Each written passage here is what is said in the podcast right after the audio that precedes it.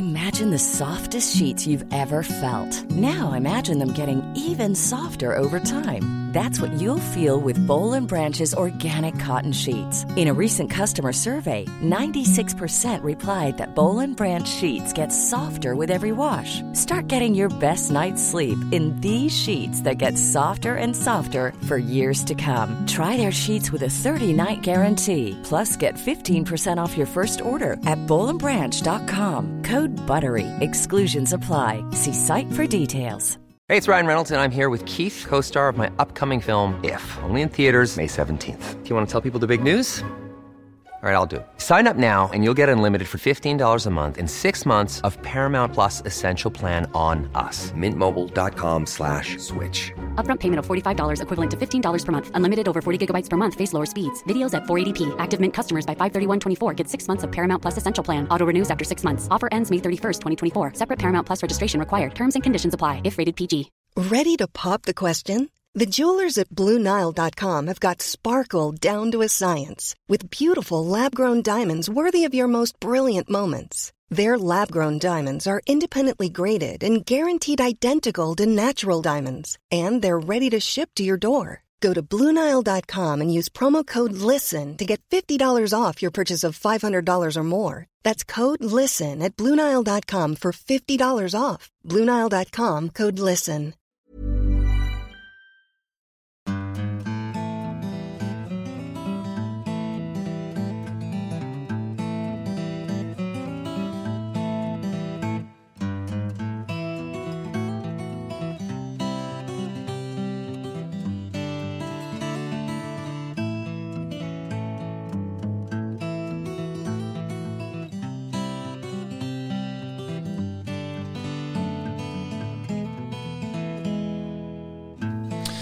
Og hjertelig velkommen til en ny episode av Hall og knall-podden. Det er Ja, det er ikke mandag nå, men når du hører det her, så er det mandag. Og i dag så har vi faktisk eh, fått gjester i studio. Vi er på Lillehammer, og eh, i dag så har vi besøk av eh, i hvert fall Norges beste langdistanse hundekjørerpar. Det er Birgitte Næss og Kristoffer Halvorsen. Hjertelig velkommen til oss. Takk, takk. Takk for det. Ja, hvordan er ståa? Er dere Norges beste hundekjørerpar? Ja, ja Norges beste hundekjørerpar, den, den tar vi. Det er innafor. Det syns jeg. Man skal ikke være beskjeden. Nei da, det er, det er mange gode hundekjørere i Norge, og det er flere som har vunnet mer enn meg og Birgitte. Men som par, der syns jeg vi tar den førsteplassen ganske klart. Altså. Ja, Er du enig, Birgitte? Ja da, vi kan dokumentere det. Vi har NM-tittelen fra i fjor, så det, det er innafor. Ja, gratulerer. Jeg, jeg håper jeg blir eh, enda bedre kjent med dere i dag, for um, vi har, det er jo et ganske sånn ferskt bekjentskap eh, oss imellom. Ja. Det, vi møttes vel første gangen i Gausdal. Uh, og da blei det jo planer om uh, nytt hundeutstyr, da. Ja. Noe som er veldig spennende. Og jeg og Birgitte, vi, ja, vi er jo hundekjørere, og vi bruker jo mye ja, seler, dekken Alt til hund, egentlig. Og kunne få lov til å være med og utvikle det fra scratch, det er jo megaspennende. Og det er jo noe alle som driver med hund, eh, sikkert har et ønske om. At eh, hvis vi har lyst til å endre på en liten ting, da, så, kan, så nå kan vi faktisk gjøre det. ja, det er rått. Ja, det er det. Men, men også litt vanskelig, da. Det er ikke bare bare. Det er ikke. Men eh, det er jo mye bra hundeutstyr på markedet. Men, men alt er kanskje ikke tenkt på, og alltid så kan ting bli bedre. Birgitte. Ja, nei, jeg syns det er en unik mulighet å ha, få lov til å være med å utvikle sitt eget med de erfaringene som vi har gjort oss, sammen med de erfaringene dere også kommer med. At vi, kan, og at vi da kan lage noe som vi syns uh, fungerer, som hunden kan løpe best i. Eller fungere best i. Som forstyrrer den minst mulig i det arbeidet den skal gjøre. Og det er jo det vi sammen skal prøve å, å lage. Og det er veldig spennende. Ja, Det høres litt ut som en sånn der eh, umulig kode å knekke, kanskje. Hundene kan jo ikke direkte prate og si Nei, der, nå gnikker det der. og- Nei, men vi, har, vi, vi skal jo bruke måleinstrumenter på det her. Og det er jo vi eh, vel egentlig de eneste i verden som, eh, som skal, eller har, har prøvd og, og er i ferd med å prøve. Så det er en kjempespennende reise vi begir oss ut på nå, syns jeg. Eh, Men eh, hvordan er livet om dagen? Eh, Det er jo Hvis jeg kjenner til hundekjøremiljøet, så er det Dere står liksom på oppkjøringa til en ny sesong, og sneen er begynt å komme. og ja, Hvordan er ståa? Nei, det er jo Birgitte nå i høst da, som på en måte har gjort jobben. For at jeg går på krykker. Har spilt fotball. Og idrettsskade? Idrettsskade, ja. Ja. På, på høyt nivå. Sjette divisjon. Nei da, det gikk korsbånd, leddbånd og menisk, så eh, jeg går på fysioterapi hver dag. Og Birgitte hun holder fortet hjemme og passer egentlig på både hundene og meg og William. Så vi skal egentlig være veldig fornøyd med det. Og så er hun på jobb noen ganger i måneden da, på sånne døgnvakter, så da da går det i slow motion i hundegården og i huset, men da er det jeg, jeg da som må gjøre, gjøre tinga. Men da, da koser jeg meg i et sånt gammelt gubbetempo. Ja da, det har jo blitt litt mye. Vi flytta i sommer òg, og så mm, ja, vi, hadde vi en bitte liten ferie etter vi hadde stabba alt inn i det nye huset. Og så skulle Chris operere kneet sitt, og jeg hadde egentlig sett for meg at han skulle være oppe og gå nå. Eh, hvilket han ikke er. Han går på krykker ennå. Så det har, det har jo blitt eh, Jeg har vært mannen i huset nå siste, siste tiden. med, med, men det, sånn er det bare. Eh, litt Om ikke det er hell og knell, så er det knall og fall. så, så, men vi skal komme i mål, og hundene Alt er etter planen så, så langt. Mm. Ja da. Og jeg òg hadde jo Når jeg våkna etter operasjonen og så at de liksom hadde skåret opp hele kneet Jeg hadde jo ikke i min villeste fantasi trodd at de skulle gjøre det. Jeg, jeg trodde jo ikke at det skulle ta så lang tid. Men eh, jeg har jo et mål om at eh, jeg skal få kjørt slede i vinter, da. Og kanskje et løp. Så vi får, uh, får se, da. Og så jobbe på I hvert fall liksom ha noe, noe å strekke seg etter, da. På en måte For å gidde å drive med de der fysio-greiene hver dag, så må jeg på en måte ha en sånn liten gulrot i enden, da. Så, Ja, så eh, hvordan ser den gulrota ut da i, i hodet ditt for øyeblikket? Nei, altså, den er ikke veldig stor. Men det er, det er sjans, på en måte. Så han som opererte meg, han sa jo det at han hadde operert Aksel Lund Svindal, at han hadde helt rå fysikk. Og han som mente det at du og jeg var i hvert fall ikke noe dårligere, da. Nei da, så det må jeg ta med meg, da. Men, uh, Aksel Lund Svindal han er kommet tilbake flere ganger fra Ja. kneskade. han. men det tok et år, da. Jeg har ikke et år på meg. Men eh, det er klart at han vant jo et løp etter et år, så han har jo begynt å stå på ski sikkert eh, en stund før det. Men det er jo også for å få vært med og bidratt. Jeg syns det er vanskelig å bare stå på sidelinja, liksom. Jeg ønsker jo på en måte å bidra med mitt, men, men hvem vet, det, kanskje det kan være bra òg, egentlig. For Birgitte er jo mer enn flink nok. Ja, han Skryt litt av deg, Birgitte. Ja, det hører det. Jeg tar det med meg. Nei da, men man skal ikke ta vekk eh, gutten i mannen, så han skal få lov å både kjøre slede og kjøre masse løp hvis det er det. Og det, det håper vi at det, Jeg tror at når først eh, det snur, og han kan begynne å belaste beinet sitt mer enn nå, så tror jeg det kan gå ganske fort. Men dere er jo vanligvis eh, liksom to om oppladninga på altså 200 da, i hvert fall. Hvordan, eh, hvordan ser det ut nå, da, når du er mer eh, på egen hånd? Nei, altså jobben må gjøres. Og, og nå har vi jo Vi har 21 hunder eh, hjemme på gårdstunet. 20 som på en måte er i den mm, poolen med, som skal trenes til løp, og så er det en pensjonist. Rådgiver.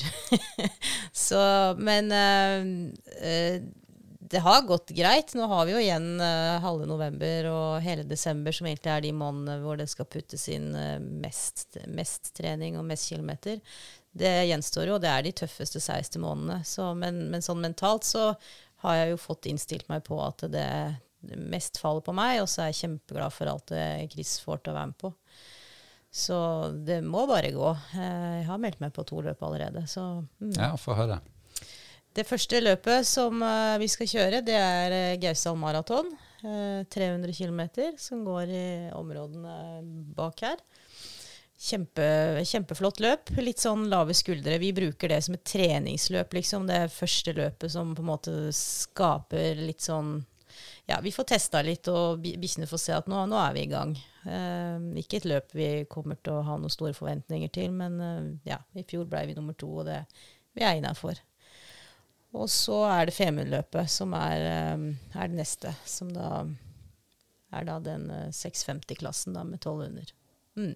Er det utpå nyåret, det, eller? Ja, det er i begynnelsen av februar og begynnelsen av januar. Mm. Så det blir ikke noe Finnmarktur i, i vinter? Kanskje.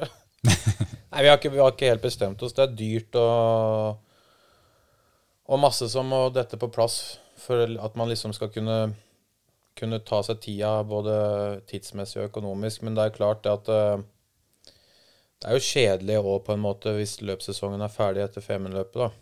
Men, eh, men det er jo påmeldingsfrist uh, i slutten av november, og verken jeg eller Birgitte kommer, kommer, til å melde oss på innafor der. så nå får vi se åssen det går på Femundløpet. Og så hvis Birgitte har kjempelyst, så melder hun seg på. Hvis hun ikke har så lyst, og jeg er frisk, så melder jeg meg på. Men da blir det eventuelt en sånn etteranmelding, da. Men det er jo fullt mulig, for den klassen er jo ikke i nærheten av å være full. Mm.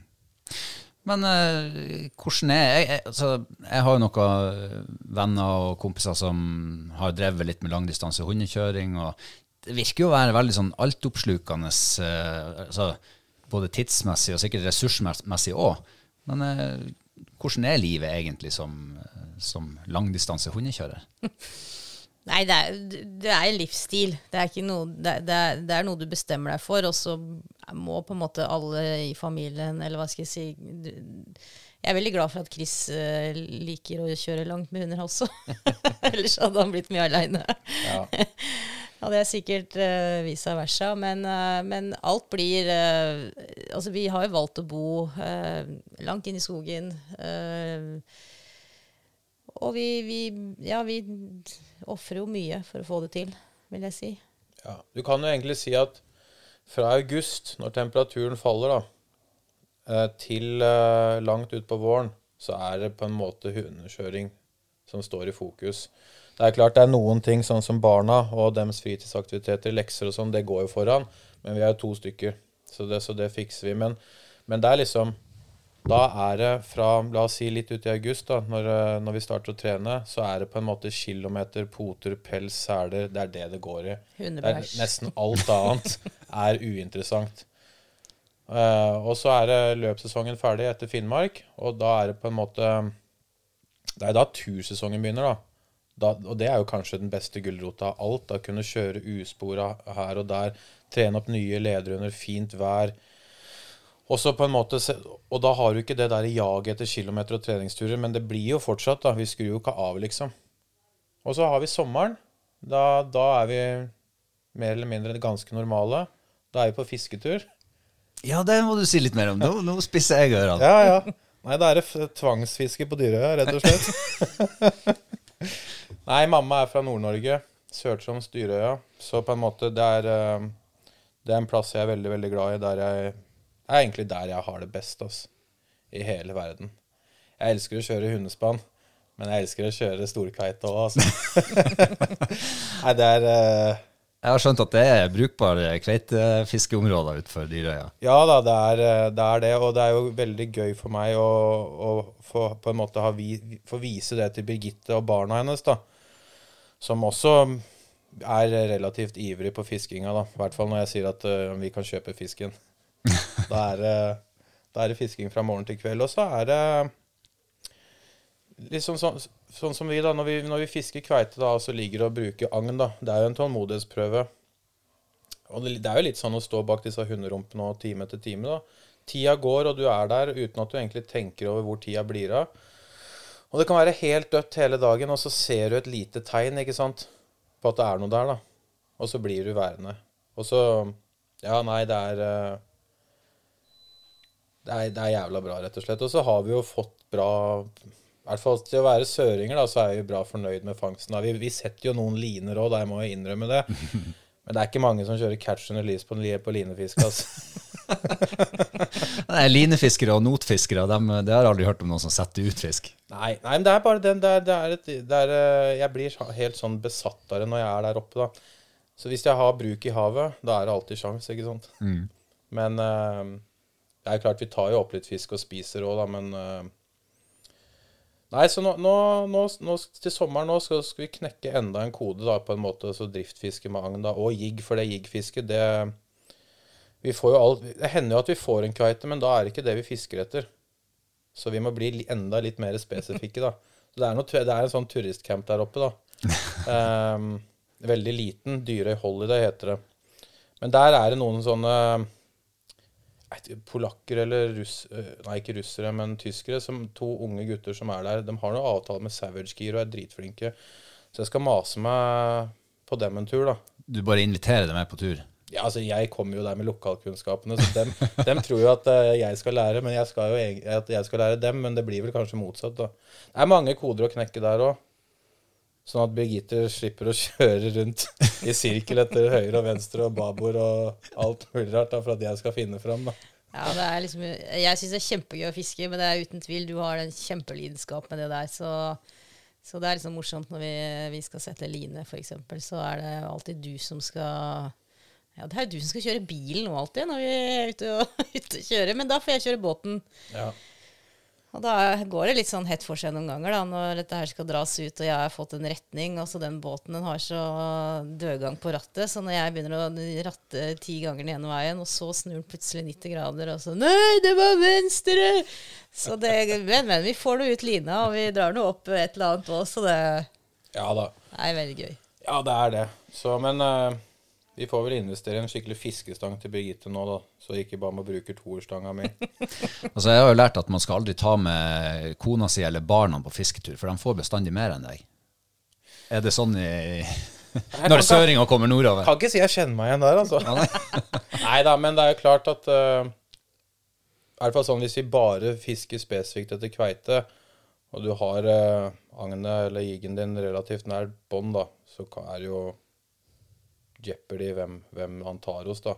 Men altså, har vi tre-fire kontakter på en dag, så er vi fornøyd, vi, altså. Og det er nok til å stå opp, eller nesten egentlig ikke legge seg. Jeg hadde jo en i sommer, vet du.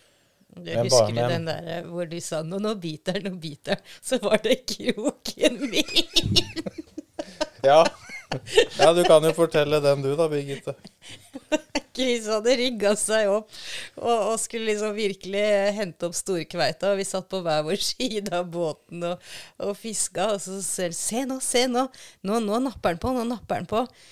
Ja, ja, det var spennende. Holdt på lenge. Se nå, se nå! Nei, nå var det helt dødt. Nei, se nå, nå var det helt dødt. Og jeg står og, og så på andre siden med min stang, og så plutselig Nei. Nei, dette er noe rart når jeg kjenner det ikke igjen, og så veiver du det opp, og så hadde du min krok på de. Ja, ja. Ja, det var uh... Man får ikke mer moro enn man ordner sjæl. Nei da. Men, men vi levde jo i trua i fem minutter, da. Ja, det var vi. Eh, Men eh, siden vi snakker om kveitefiske, hva er, hva er persen? Persen er, det er Den er rett i underkant av 90 kilo. Men den subba bakken og vi veide den. Åh. Så den er jo ikke gæren, den, altså. på stang? Nei, den var på line. Ja, den var på på line, ja. På stang så er det 44. Oi, oi, oi. Jeg kjenner jeg blir litt sånn her eh, småfrustrert nå, for uh, altså, vi som bor oppe i kveitemekka, liksom. Eh, vi skulle jo ha hatt mye, større, mye mer og mye større kveite enn det dere får, men så kommer dere søringer nordover og bare ruler gata. Rein flaks. Ja, vi har litt flaks òg, men jeg, jeg tror sånn som på Dyrøya, så fisker vi Vi fisker jo De der lokale river seg jo ofte i huet, da. Og, eller i håret. Og liksom kan ikke dra dit og kan ikke dra dit. Men altså, vi er eh, De beste plassene våre, de er, eh, det er under fem minutter med båt ut av havna. De er, eh, mens de der litt sånne gammeldagse meene, da, som de går etter, og de bakkene Ja, er, vi, har, vi, har, vi har jo fått kveite der òg. Eller jeg har fått det i mine yngre dager. Men det har jo bare vært flaks. Eller det har ikke vært det vi har vært på jakt etter. Men jeg tror det at uh, flate områder, helst uh, med sand eller steinbunn, så tørre å fiske grunt. I hvert fall, uh, i hvert fall eh, Vi pleier å være der oppe i månedsskiftet eh, juli-august. Og det er jo kjempestor forskjell på det og juni-juli, syns i hvert fall vi, da. Så tørre å fiske grunt nok, det hvis de skal komme med noen tips. Så er det det. Hva, ja, ja. Ja, vi, vi, altså sånn som, I år så fikk vi 19 stykker. Og ja, si alle var på mellom 17 og 25, i hvert fall under 30 meter. Den største vi hadde, den var litt dypere, men den sleit ved båten. da. Men uh, Det er bestandig de største man mister. ja. Ja. Første fisken eh, i sommer. Det var som å bli angrepet av et eh, lokomotiv som bare Skulle tro jeg hekta et hundespann på den kroken. Den tok, altså. Og ja, det, det var jo da, da tenkte jeg liksom åh, endelig. Endelig, liksom. Og den satt godt og alt mulig rart. Men når, jeg, når den kom opp, da, da mista jeg huet litt. Skal jeg innrømme det. Jeg hadde ikke med meg noe krok, så jeg prøvde å få tak i den med et skaft. Og det Det er heldigvis ikke på film, for å si det sånn. Ja, men eh, ja, vi må jo nesten Vi, vi skulle jo prate litt om hund i dag, da. Så vi må nesten eh, tilbake til det. Men nå, nå vet vi hva dere gjør i feriene, i hvert fall på Ja, er sommerstid. Ja. Men uh, Birgitte, du, er du har jo drevet med hundekjøring uh, stort sett hele livet ditt. Hvor, hvor kom den der eh, interessen fra? Ja, det er et godt spørsmål. fordi eh, foreldrene mine de eh, jobbet jo i Norske Opera og hadde jo sett for seg at jeg enten skulle bli ballettdanser eller spille trompet. Men jeg valgte en litt annen scene. Men jeg kanskje jeg fikk jo den pers altså, Jeg har alltid vært glad i dyr, og så fikk jeg nok litt sånn der, den derre Det å jobbe hardt mot noe, det har jeg kanskje lært uh, hjemmefra. Det, de var jo på forestillinger og hadde konserter og i det hele tatt hele tiden. Så Eh, og så fikk jeg ja, fikk jo lurt inn noen hunder og passa masse hunder i nabolaget. Begynte jo det med aller først. Så fikk jeg lånt en hund, og så etter hvert så, så fant faren min ut at det å jakte var jo gøy. Så da jakta han, og så kunne jeg stå på ski. Jeg hadde én hund, da begynte med én hund. Og det, det er fint å lære seg det, å jobbe med én hund. Før man setter dette her i et spann. Altså du sto på ski bak? Ja. Mm. Så jeg har kjørt alle stilarter innenfor hundekjøring. Eh, og så blei det på en måte flere og flere hunder, og så får man lyst til å prøve nye utfordringer. Og så nå er liksom eh, de siste 20 årene så har jeg kjørt eh, langdistanse hundekjøring. Eh, med et spann og stor kennel sammen med Chris. Mm. Men altså, det, du begynner da med hva det kalles for nordic? Er det når du Ja, nordisk, Nordisk, kjørestil. Det Ja. begynte jo med ski og pulk, egentlig, og snørekjøring. Og så har jeg kjørt sprint. Det er jo ja, litt, og Da bruker man jo ofte jakthunder da, som, som trekkhundene, eller blandinger av jakthunder og litt husky i seg, eller kan ha en dash med greyhound òg, for den saks skyld. Mens nå har vi mer polare hunder som tåler kulde, tåler å ta vare på seg selv i mer arktiske forhold, da. Hva er forskjellen på de sti stilartene? Altså, det må være en grunn til at du har holdt på i 20 år med, med langdistansekjøring. Ja, altså Ja, jeg vet ikke helt hvorfor jeg holdt på så lenge, men det, det, er, det, er, det gir noe, det å jobbe med dyr og være ute i naturen. Den trilogien menneske, hund, natur. Det er mye vakkert som skjer der. Eh, og det kanskje Sånn som i langdistanse så, altså En trekkhund er, er jo om den er en fuglehund og du skal kjøre kort, eller, eller om det er en husky polarhund og skal kjøre langt, så er det mye av de samme prinsippene. Men uh, så møter man jo litt andre, andre aspekter ved det i langdistanse, hvor du da må Du kjører hele døgnet rundt, ikke sant. Natta gjennom alt som er av vær, store, lange distanser. Du har ikke en arena som er ferdig preppa til enhver tid. Um, så det gjør det jo enda mer spektakulært, vanskelig, eh, sjelsettende. Eh, og, og man er lenger ute, og man får liksom eh, oppleve det å kjenne på det litt primitive som alle har i seg. Eh, som man kjenner på når man blir pusha tilstrekkelig over nok dager inntil et visst punkt. Så da merker man jo at man føler seg sliten, så er man jo ikke i nærheten av å være det, egentlig. Ja, det, var en, det lærte vi på befalsskolen, at eh, når du er sliten, så er du ikke sliten. Nei, det er bare hodet som spiller kroppen et puss. Eh, Kristoffer, hvordan havna du inn i det? Nei, jeg har jo alltid vært veldig glad i dyr siden jeg var liten, men vi hadde aldri noe dyr. Men vi fikk passe en, eh, passe en schæfer som het Kanta, som jeg ble veldig glad i. Så var det jo disse, disse vid videofilmene, da, de Disney-filmene, den derre Villmarkens sønn, Ulvehunden. Så jeg drømte jo egentlig om hund når jeg var liten. Men så fant jeg en katt Ja. som jeg tok med meg hjem fra skolen og fikk lov til å beholde. da. Men eh, jeg har noen barndomskompiser eh, som alltid drev med hundekjøring, men som egentlig ikke sa noe om det. For det, det var, jeg, jeg fiska jo da jeg var liten, men jeg sa jo ikke det til så mange, for det var jo ikke, var jo ikke kult å bli sett med fiskestang, liksom. Det var jo en pose med øl som var kult. Men, eh, men dem sa det aldri, egentlig. Eh, og så var det vel i 2009-2009 så kjørte han eh, han ene Femundløpet, og jeg og Emil, broren hans, da vi satt hjemme på Langhus, og han fulgte med på dataen og, og sa at det var 40 mil. Og jeg liksom bare Nei, nei. Det er fire mil, og er, du, du, du, leser feil, Emil. Det kan ikke stemme. Jeg, jeg visste ikke Hadde hørt om hundeløp, liksom, men ikke at det, det var sånne distanser, da. Eh, så året etterpå så spurte han Ola da, Martinsen om vi ville være med han, for da var det VM. Første VM eh, på Femundløpet. Og da var det liksom ble bitt av basillen, da. Eh, og dem Så jeg var med dem og kjørte, kjørte to ganger. Så hadde jeg en kompis på Sigrud som dreiv, som heter Kenneth Nilsen. Så jeg var med han et par år. Og så var jeg med en annen et par år, og så møtte jeg Birgitte. Så jeg har liksom vært fire-fem år der jeg har jobba for, for hundekjørere. da, Egentlig fordi det var den måten jeg kunne drive med det på. uten at, For jeg hadde jo ikke penger til å skaffe meg et hundespann og sette en leilighet på Øreståsen eller i hagen til mamma og pappa. Det, det hadde ikke funka.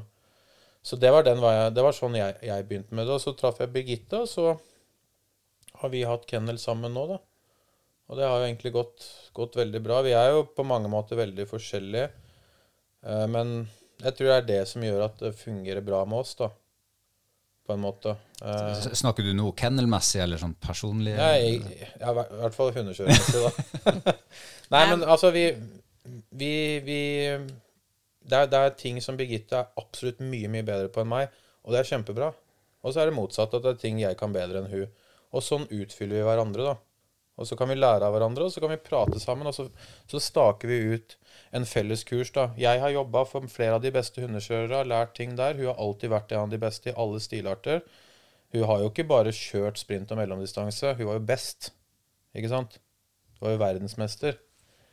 Så jeg har gått på ski én gang, og da med, med, med sånn trekkhund. Og jeg måtte starte ti meter bak de andre, for de var redd for at jeg skulle kjøre ned Bjørndalen og co.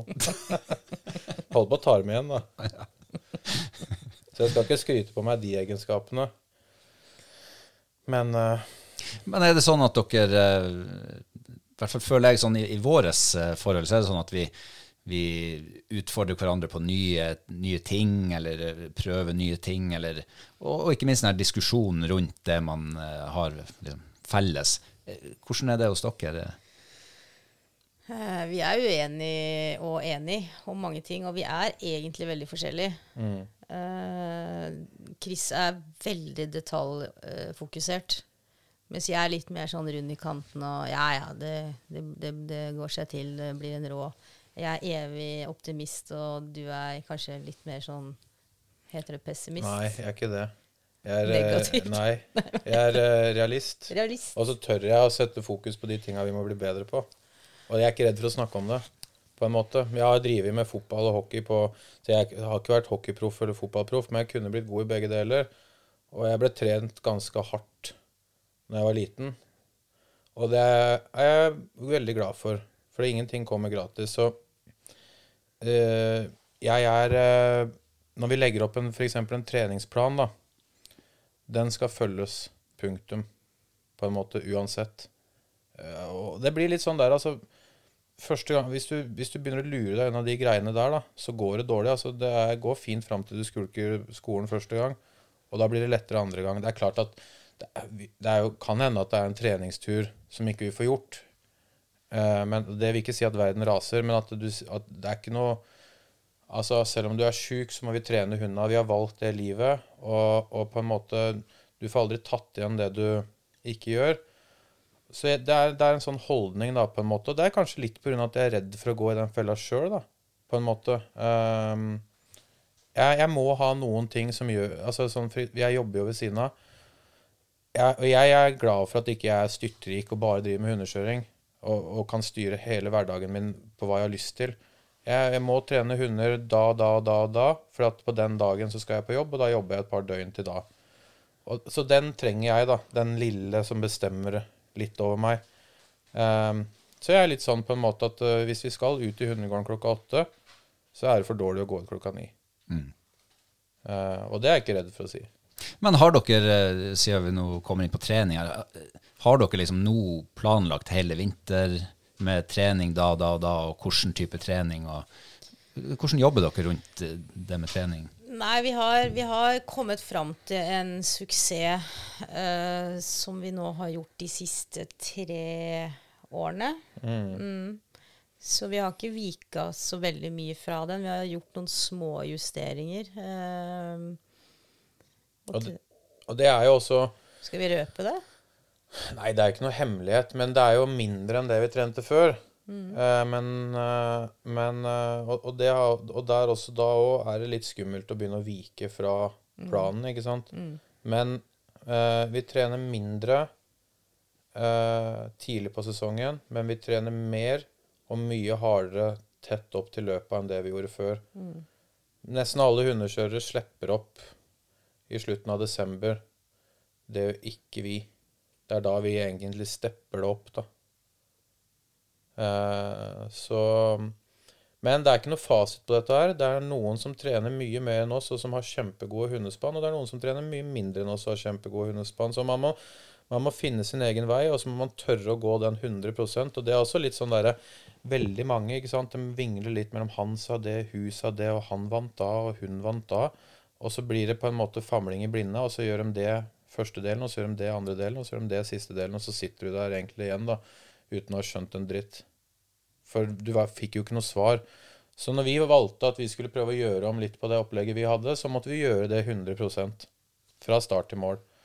Og det fungerte, og så har vi egentlig gjort små justeringer. Men det, vi, det som på en måte vi stadig vekk gjør, er at vi tør å, å ha mer mengdetrening opp til løpene, da.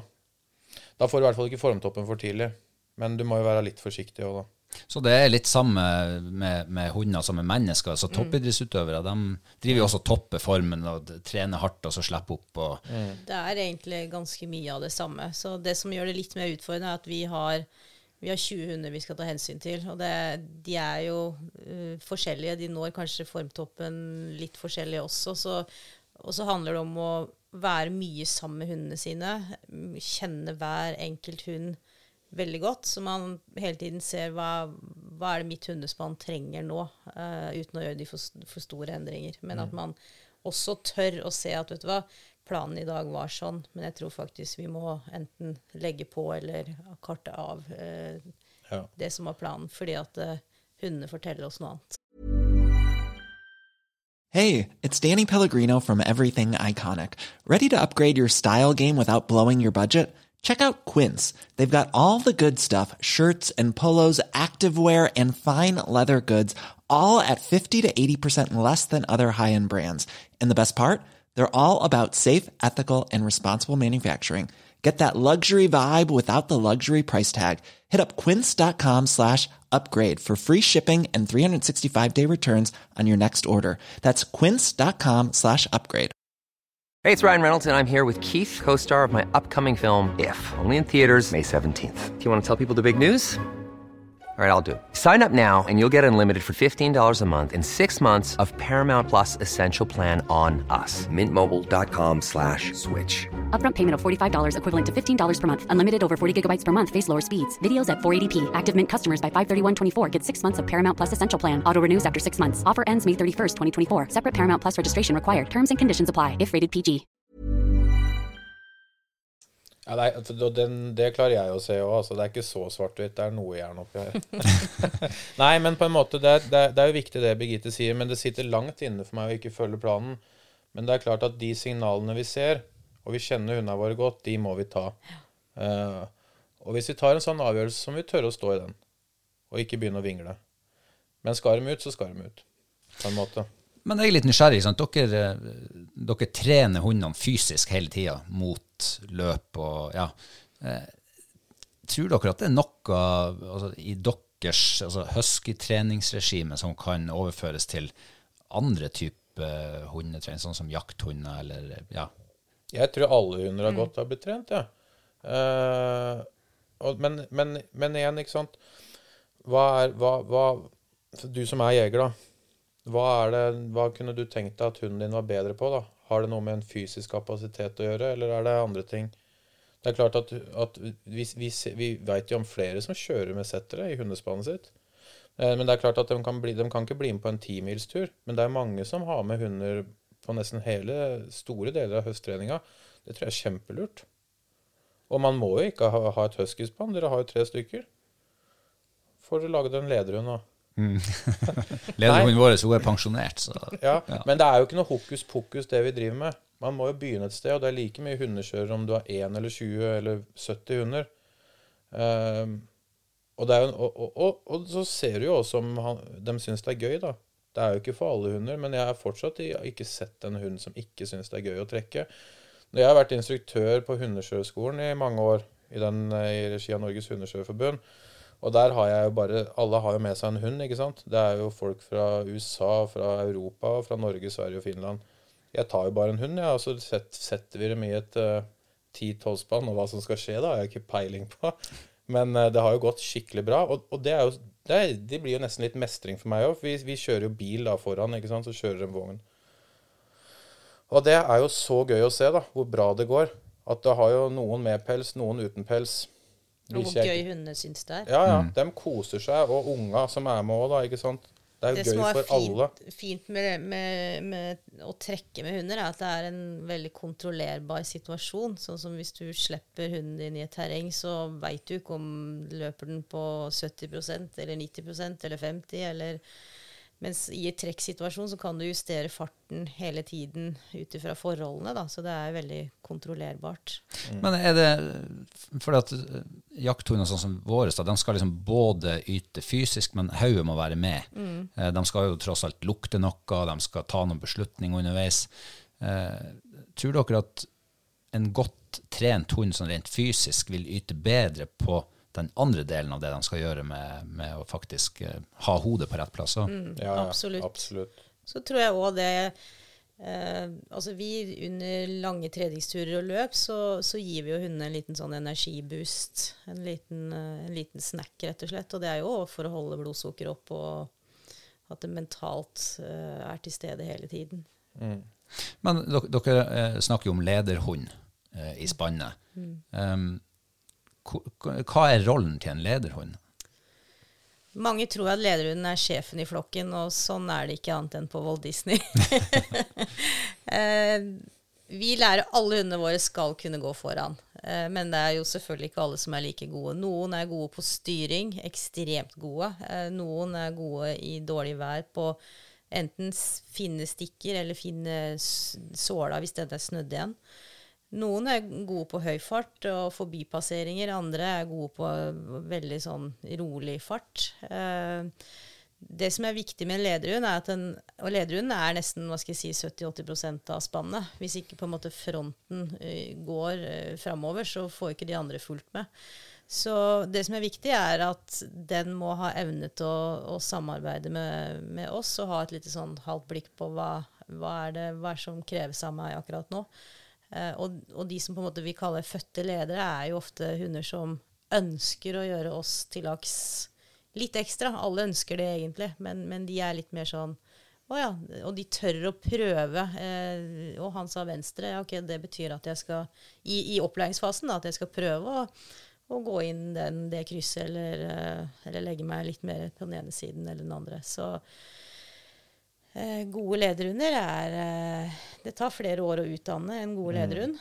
Eh, så blir det sånn Vi har jo nå en eh, som heter Grøten. Han er syv år. er den beste lederhunden vi har i, i gjengen. Og han eh, Vi vet jo både Chris og jeg, hvis han er med, så, så kommer vi jo gjennom alt som er. Vi har masse, masse gode relasjoner til han, og ja, for så vidt Oline også.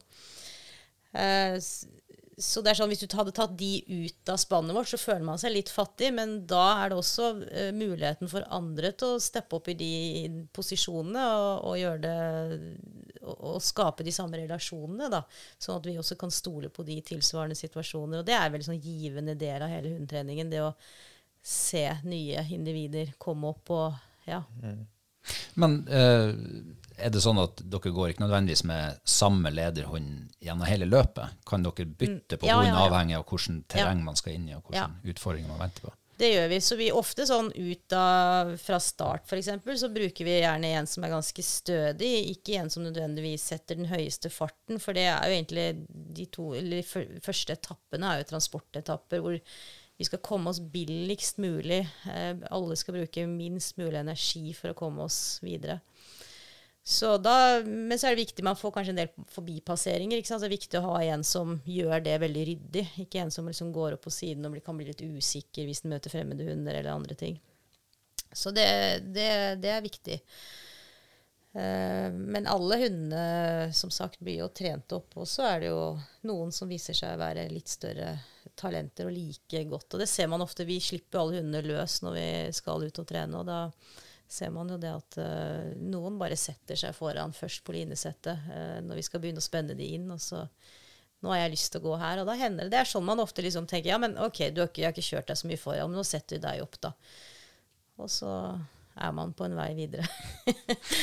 Nei, jeg syns det er litt uh, interessant det der, for at dere har jo så mange hunder, ikke sant? rundt 20 stykker ute i, i hundegården nå. Eh, der relasjonsmessige forholdene som du nevner, hvordan, altså, hvordan klarer du å skape relasjoner til 20 forskjellige hunder?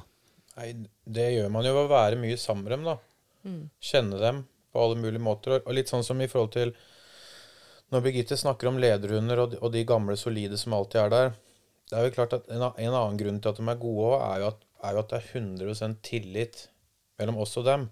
Eh, men, vi, men, men det tror jeg Jeg, jeg syns jo ofte at på slutten av f.eks. Finnmarksløpet, de siste 80 mila, de hundene jeg har igjen i hundespann da, alle kan gå foran, alle gjør alt jeg ber dem om, og jeg stoler 100% på dem. Ikke sant? Hvis du skal gjøre en jobb for noen som du merker at de ikke har helt tillit til deg, da, så du må tørre det.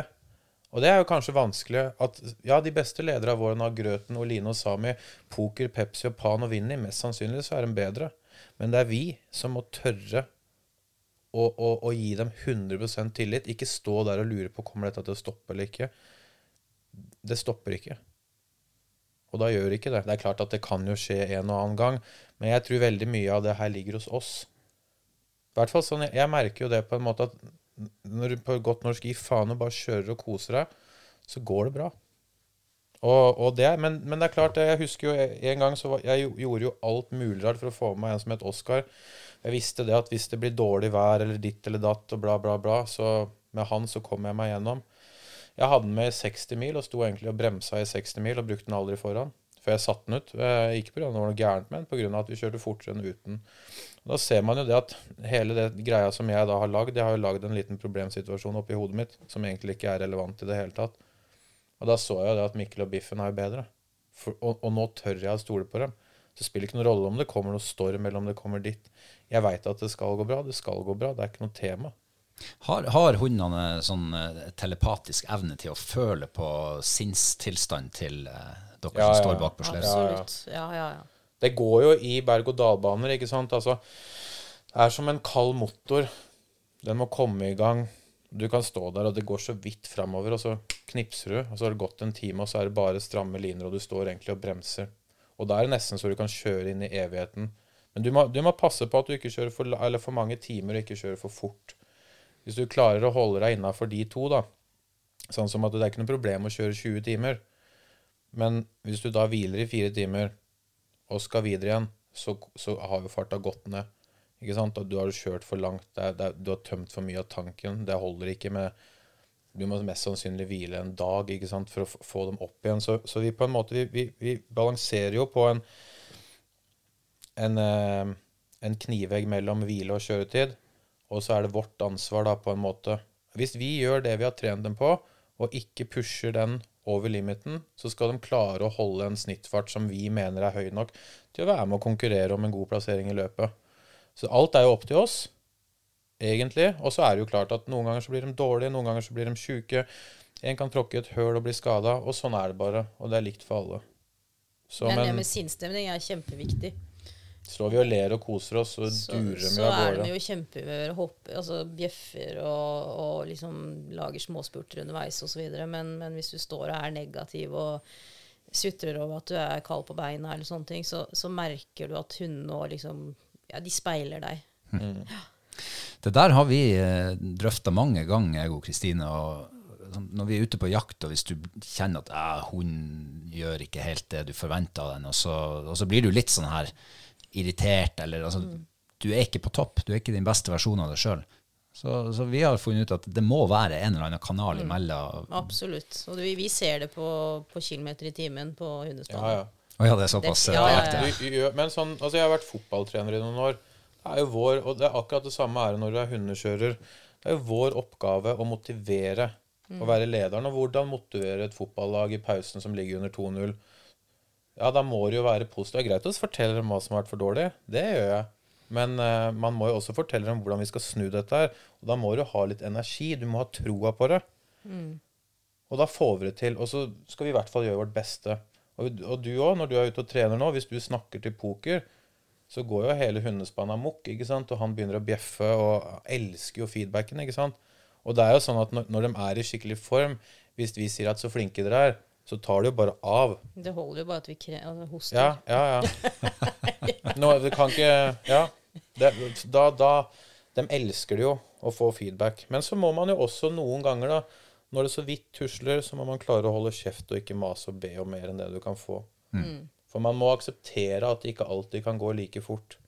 Og det er vel kanskje det vanskeligste, da. Når det går i 8 km i timen rett fram, og du står der og hmm, Da må du heller bare tenke at det går helt sikkert like sakte for han foran og bak deg. og så plutselig, så, uten at du er klar over det, så er de der igjen, da.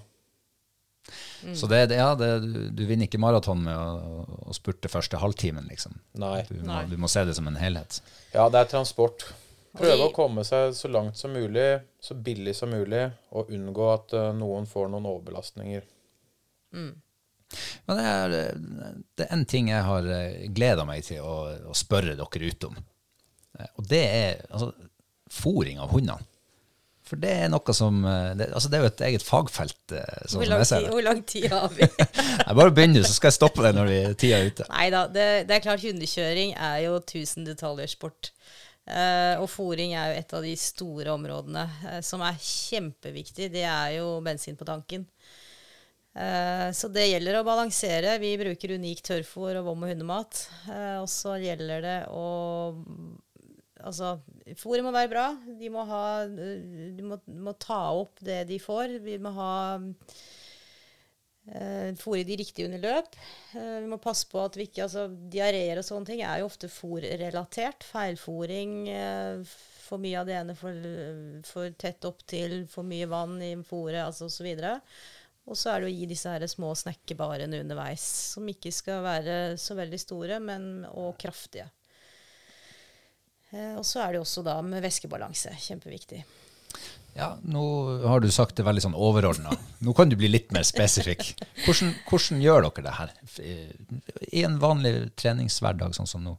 Hundene har jo tilgang på friskt vann eh, hele året, utenom når det er minusgrader og det ikke lar seg eh, gjennomføre. Da får de en suppe. Eh, Ellers så får de da stort sett Det kommer litt an på treningsmengden. November og desember, så, eller alt før november og desember, så har de én hovedfòring. Og gjerne en sånn liten ja, kjøttbit eller, eller suppe på morgenen. Og så når vi da kommer i november og desember og gjennom treningssesongen, så får de to hovedmåltider, pluss at de gjerne da får snack på treningsturen. Eller på løp, hvor de da får snack i tillegg hver annenhver time. Så da har vi omtrent ja, 50-50 av tørrfôr og, og kjøtt. Men eh, det er jo, det er jo sant, de jobber en hel dag på et løp. Eh, når vi er på fjellet med hundene våre, så jobber jo de òg en hel dag, mm. men med pauser, selvfølgelig. Ja, men si, si da eksempel på et løp, da. Så alltid når vi går ut og gjør klar hundene våre, så gir vi dem en snack. Og når vi starter å kjøre, så starter vi klokka. Så den første snacken den får de etter to-to og en halv time. Uh, og, men vi, hvis de ikke tok den snacken når vi drar, så kanskje vi venter tre. For det er veldig viktig at det, tar de den første snacken når vi stopper, så tar de den andre, den tredje og den fjerde òg.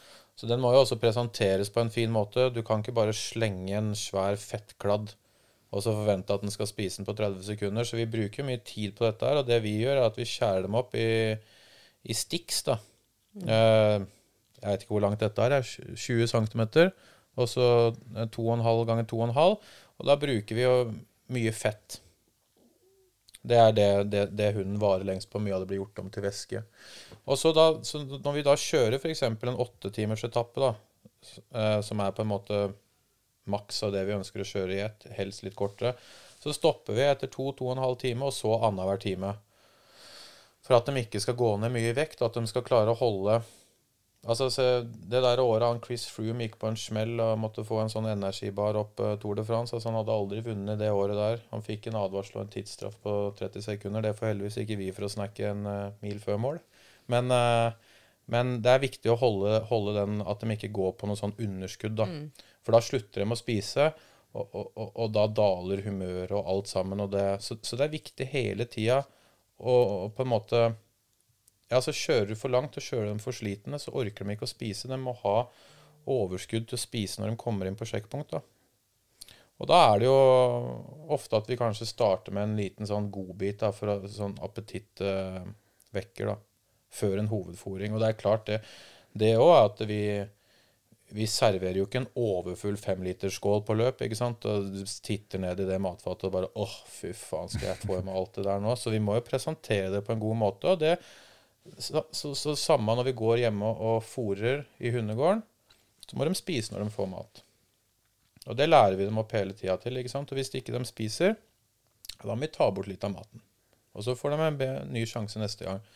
Så fremst de er i godt hold, da selvfølgelig. Er det en som er tynn, så må han jo få mat. Men uh, det blir litt som unga dine, at uh, de må lære seg å spise opp maten før de går fra bordet. For at her så står maten bare på bordet så lenge, og hvis du ikke har spist, så får du spise ved neste måltid. Hvis ikke vi gjør det, så står vi der med ganske store problemer på et løp. Ja, langdistanse er jo på en måte Det er, det er jo et langt løp hvor du Det er om å ha minst følgefeil. Og hvis hundene da ikke spiser, så, så blir det et kjempeproblem bare et døgn ut i løpet. Så det er viktig. Og det er mye informasjon i det å, å, å snakke de. F.eks. om du ser om tar alle snacken, er de på hugget, eh, da bare hiver de i seg, eller, eller blir de litt sånn øh. Så er det ofte litt sånn, hvis det er veldig varmt, så er det ofte ikke så eh, stor appetitt på det med mye fett i. Da må man kanskje gå på noe med en, mer protein i. Eller hvis det er veldig kaldt, så vil de gjerne hive i seg alt som er fetest mulig. Så de regulerer seg jo litt i forhold til, men det er jo greit å, å vite. Eh, og så er det jo mye sånn psykologi i det med fòring òg, som Chris var inne på, det at eh, liksom ikke kom med den grautbollen, men, eh, men kanskje hvis du veit Vi kjenner jo hundene godt fra hele treningssesongen, så vi vet at noen av de trenger litt mer ro rundt matsituasjonen. Så kanskje man bare drypper litt fôr i, i halmen, og så begynner de å snuse og pirke litt, og så vops, så er de i gang, og så kan du spe på med mer og mer istedenfor å komme med den derre ja, middagen oppi, oppi nesa på de. Og det tror jeg kanskje gjelder jakthunder òg, hvis de har ja, si de har gått, eh, løpt hele dagen og er slitne, så vil de kanskje prioritere å sove i stedet for å spise. Men hvor viktig det er å liksom holde den der eh, At de får i seg energi hele tiden, så at de aldri går på den minussiden. Ja, for det, det, det merka jeg du sa, Kristin, med å, å eh, Hvis de er dårlige å spise underveis i dagen, så er det ja, så prioriterer de noe annet enn å spise når de kommer i mål, eller er ferdig for dagen. ja. ja. Men- hvor, hvor ofte skal man liksom eh, gi dem noe når man eh, tenker jaktsituasjoner, tror du? Det ville jeg vel kanskje tenkt, eh, tenkt det samme annenhver time. En, eh, altså en, ja, du gir, gir du hunden din frokost, liksom? Ja, og med litt væske hvis den skal ut og løpe. Da, ja, da ville jeg kalt den inn etter to, to og en halv time, og så annenhver time. Ja. E- Etter det. For på en, en annen ting da, på en måte som er litt kunsten med hundekjøring, er at når de spiser og er på hugget, og alt er perfekt, det er da du også må tørre å stoppe og legge deg ned og hvile istedenfor å pushe over den grensa. da. Kjører du bilen tom for bensin, så starter den ikke. Så du må stoppe mens du har fuel på tanken. da. Ikke sant? For eksempel 20-timeren i Finnmark. da Skal jeg ta den på Tana, skal jeg ta den på Neiden, eller skal jeg kjøre helt til Vaggetem, eller hva det heter for noe? Eller om det er Kirkenes, eller hvem vei det går.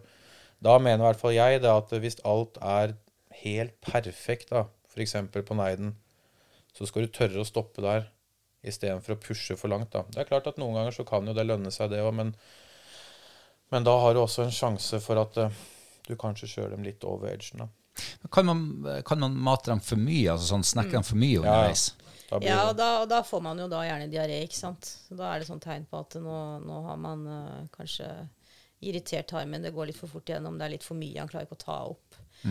Men det er viktig også, hvis man liksom skal begynne med dette her eh, som, som vi snakker om nå, at man eh, kanskje ikke Altså de dagene man er på jakt, men man må hver gang man er på tur, da.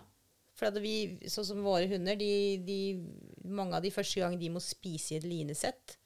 Vanligvis så får de jo mat i hundegården, men første gangen de er på tur og eller vi bare bestemmer oss for at nå er vi ferdig med turen, vi, er, vi står i linesettet i hundegården, nå fôrer vi i linesettet. Ny situasjon. De, de hundene som aldri har gjort det før, de bare Hæ, hva skjer nå? Det, er det, jeg skal ikke ha mat nå, ikke sant? Så at man trener på det mange ganger før man skal gjøre det, og det gjelder. Det er viktig. Ja, for jeg har jo lagt merke til det, at, eh, og kanskje særlig eh, litt yngre hundene, når, de, eh, når vi mater dem hjemme, så står de på sin faste plass, og matskålen står akkurat der de står. og Det skal veldig lite til før de liksom blir eh, altså Det er akkurat som det skjer noe i hodet, de blir usikre, eller det her var uvanlig. Så det er nok at de bare liksom vrir på Ja. 90 grader Ja. på skålen, så er det liksom det er nok til at de det trekker er seg derfor litt det er fint å liksom sette hundene litt ut av spill på, på å trene på Altså Jeg tror hundene opererer ting i bilder. Altså Det her jeg gjort før. Det, det funka, det var trygt og godt forrige gang. Det kan jeg gjøre nå.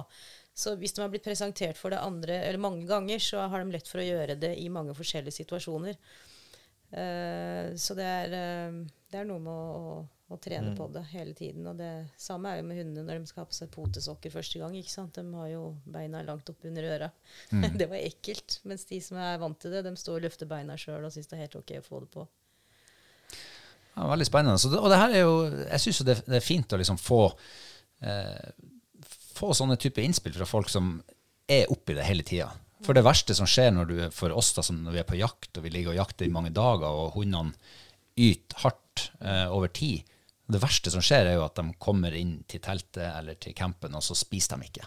Så må du liksom du må mate dem for å få Og det, jeg har ikke tenkt over det, at det kanskje rett og slett er at de har ikke fått nok energipåfyll i løpet av dagen. At de er så slitne at de Nei, hvis du sjøl er i kjelleren da hele dagen, så er det ikke sikkert at du orker å spise når du kommer hjem, da. Men hadde du fått inn på jevnlig, da, så hadde du mest sannsynlig gjort det. Ehm, det er jo Altså, sporten deres har jo vært eh, eh, vært litt eh, under lupen, da, når det kommer til liksom det, det dyrevelferdsmessige. Eh, vi har jo for så vidt vært innom det, men, men eh, hva tenker dere rundt det å ta vare på, på dyrene? Det er kjempeviktig. Og det er kanskje bra det har vært under lupen. Eh, Det er jo sånn at det er underholdning, og det skal være, det skal være gøy for alle, og ikke minst hundene. Det er hundene som, som er eh, de som gjør jobben, som er heltene, som eh, vi lever ånde for, og som vi hele tiden nå Altså, vi forsøker jo å, å gjøre det beste, at for hundene skal ha det best mulig hele tiden.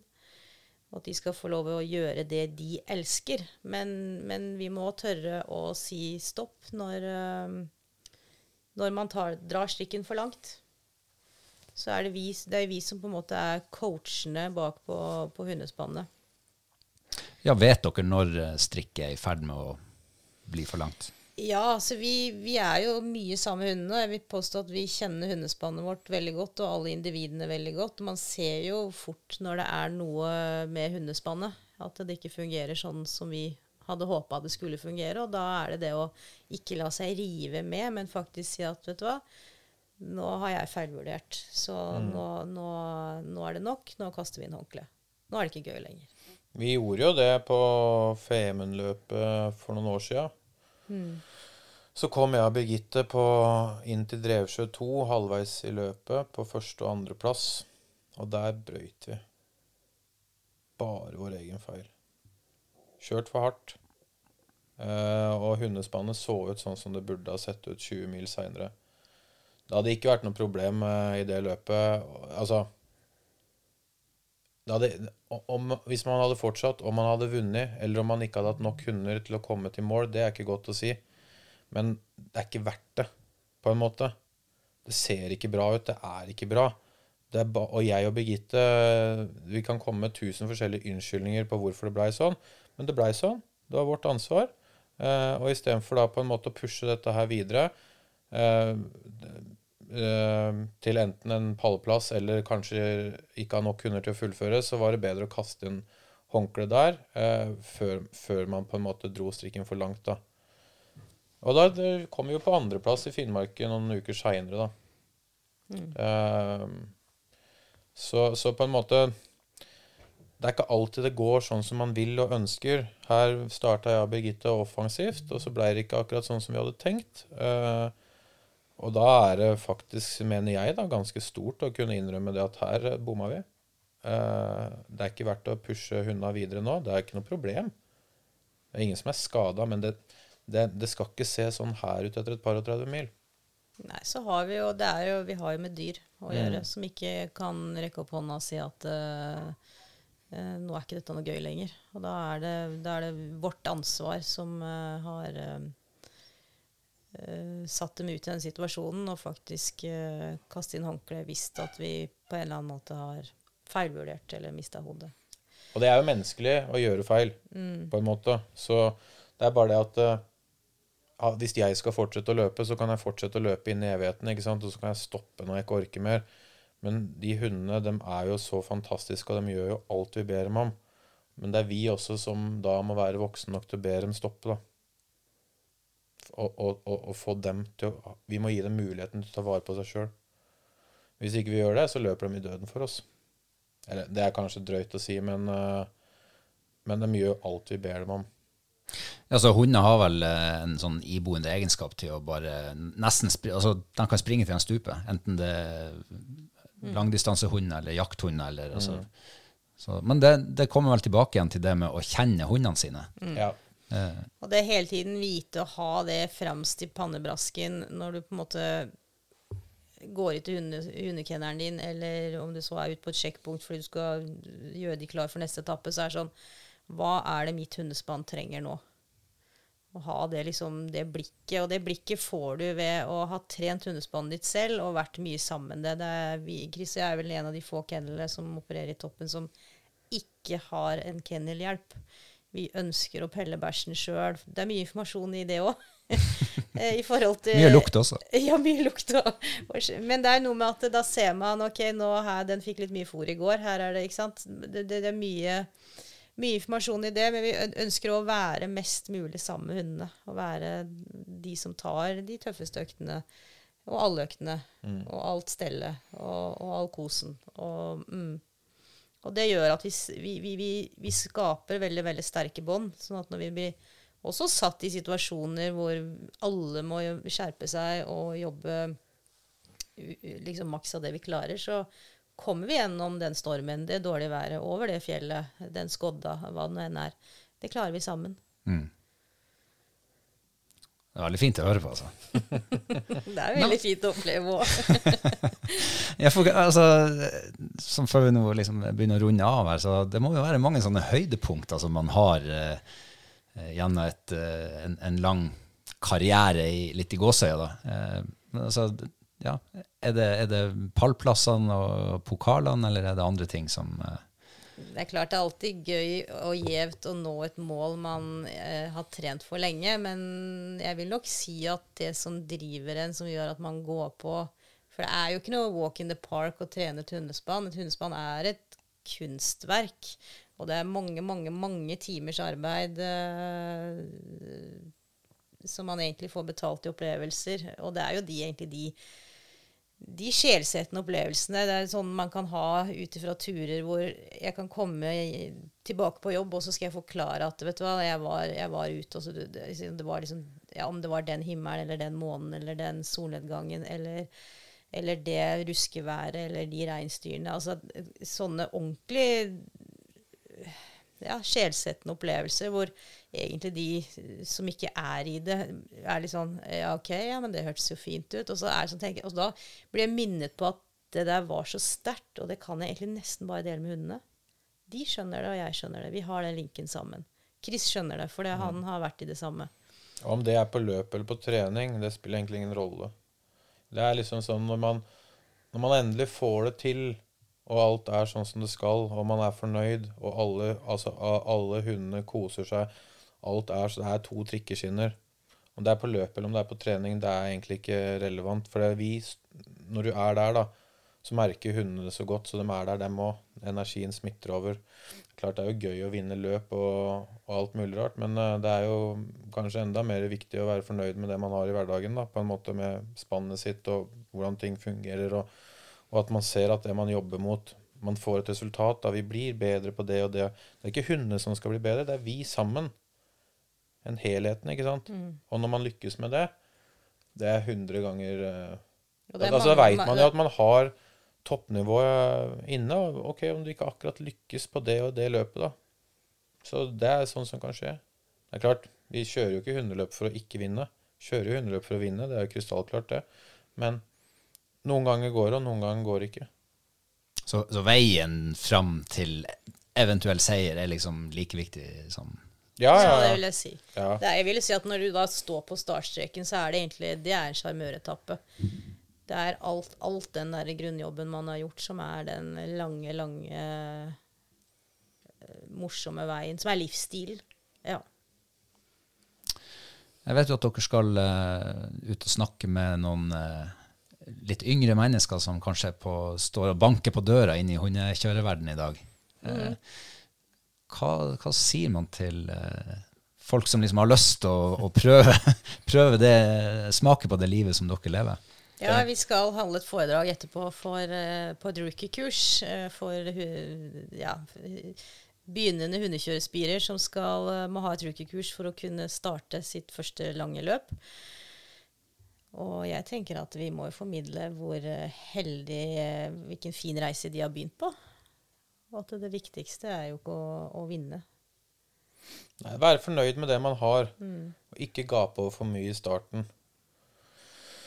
Og kanskje si at dette er ikke så lurt. Nei da. Nei da. Men på en måte, det er, det er litt viktig, for det, verden er jo sånn nå at eh, ting, det skal være mest, og det skal være best, og det skal være ditt, og det skal være datt. Her handler det om dyr og mennesker og relasjoner.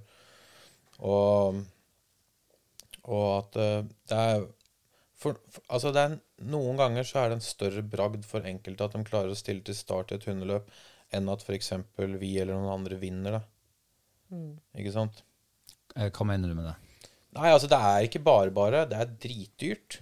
Jeg og Birgitte er jo kjempeheldige som har fòrsponsorer. Hva med Hundemat og, og Unik. Uten dem hadde vi jo ikke hatt sjans, ikke sant? Men den gjennomsnittlige hundekjøreren Nå er ikke jeg Birgitte, har ikke mye penger, eller noe sånt, men det er vanlige folk som jobber og sliter, og som elsker dyra sine, og som gjør alt som står i deres makt for det. da. For, for, for den gjennomsnittlige hundekjøreren å kunne stille til start i f.eks. Femundløpet eller Gausdal Maraton, Mørs Syndfjell eller Finnmarksløpet, det er en bragd. Det er kjempebra, liksom. Det er ikke mange som veit hvor mye tid som står bak, hvor mye man må ofre seine netter, eh, komme daudtrøtt på jobb, ikke sove, ja, kanskje ikke få spist seg mett engang. Det er ikke noe glamorøs sport, liksom. Det er de der enkle tinga som betyr noe, da. Gjør jobben og sørg for at hundene dine har det bra. Så jeg vil vel kanskje råde dem til å Og hvis de ikke kommer fra en sånt hundekjørefamilie eller sted, da, noe ikke alle gjør, så, så kanskje starte med å hjelpe noen, og så se om er dette her er, er dette her noe for meg, liksom? Før man plutselig har ti hunder på tunet som skal fôres med kjøtt og tørrfôr, de skal ha sokker, de skal ha seler. Alt koster penger, da. Um, sånn at ikke resultatet blir at alt havner på finn.no, da. Ja, men Hva er- tenkte du på? Nei, nei, men på en måte det er jo det er, det er fryktelig mange som begynner, ikke juniorer, da, men kanskje voksne, som begynner, og, kennelene bare eksploderer. Jeg og Birgitte er jo ikke blant de største kennelene. Vi har, noen, vi har noen hunder på utlån, men altså 20 hunder hjemme, det er det ganske mange som har det mer enn dobbelt av. Du må ikke ha mest for deg best. Se på KFUM. Oslo. Ja, ja. De må bygge ny stadion nå. Ja, det må det. Det var konkurs. Koster penger, det òg. Eh, Birgitte, dere, eh, dere bruker jo eh, sosiale medier til å Og jeg syns jo dere formidler liksom, Jeg skulle ikke si medaljens bakside, men hverdagslivet og det dere faktisk driver med på en altså, utrolig fin måte. Jo, ja, det, det er hyggelig du sier det. For nå når vi satt her og pratet om det, liksom det siste, så tenkte jeg at ja, ja, eh, vi legger kanskje bare fram sol, solsiden av det. Eh, men prøver jo av og til. Jeg hender jo at jeg, får litt behov for å skrive, skrive litt òg. Litt sånn indre tanker, følelser rett fra, rett fra sjela. Men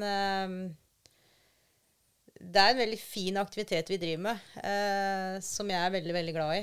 Eh, så jeg syns det er ålreit at vi kan formidle det. At vi òg da kan gi igjen noe til, eh, til, de som sponser oss og har tro på oss.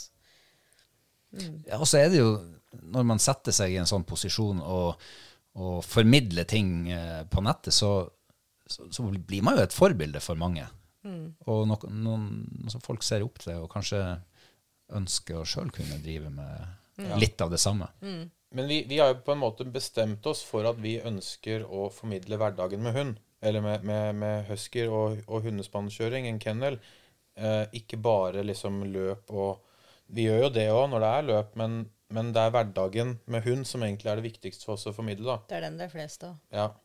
ja, dere hadde jo meldt dere på to løp i år, og det er klart da er det 350 eller noe sånt mm. dager i, mm. gjennom året. Og det er jo de som egentlig handler om det å være hundekjører og ha en kennel. Så på en måte, Men det er klart at vi kjører jo, eller prøver jo å legge ut mest mulig fra når vi kjører løp og sånn nå. Men uh, vi syns hverdagen uh, med hund er det som selger best for oss, da. For det er det det egentlig dreier seg om. Jeg vil si uh, tusen hjertelig takk for at dere tok dere tida det har vært utrolig spennende. så Jeg kjenner at eh, det rakker litt. Jeg, jeg har kjørt hundespann én gang i mitt liv, men jeg føler at jeg har lyst til å prøve det igjen. Det blir det mulighet for hvis du vil. ja, ja. Med egne seler. ja. eh, tusen hjertelig takk for eh, praten. Og så må vi ønske dere lykke til både med lansering av nytt utstyr og, og på løpene dere eh, skal gjennom. Men ikke minst lykke til med resten av hverdagen. Ja. For det er det de er det fleste av. Ja. Tusen takk. Må ikke si eh, takk for at dere fikk komme. Takk for at vi fikk komme. Takk for at vi Og lykke til med nytt hundeutstyr. takk. Og til deg som har hørt på, tusen hjertelig takk for det. Så får vi håpe at vi høres igjen om en ukes tid. Ha det godt.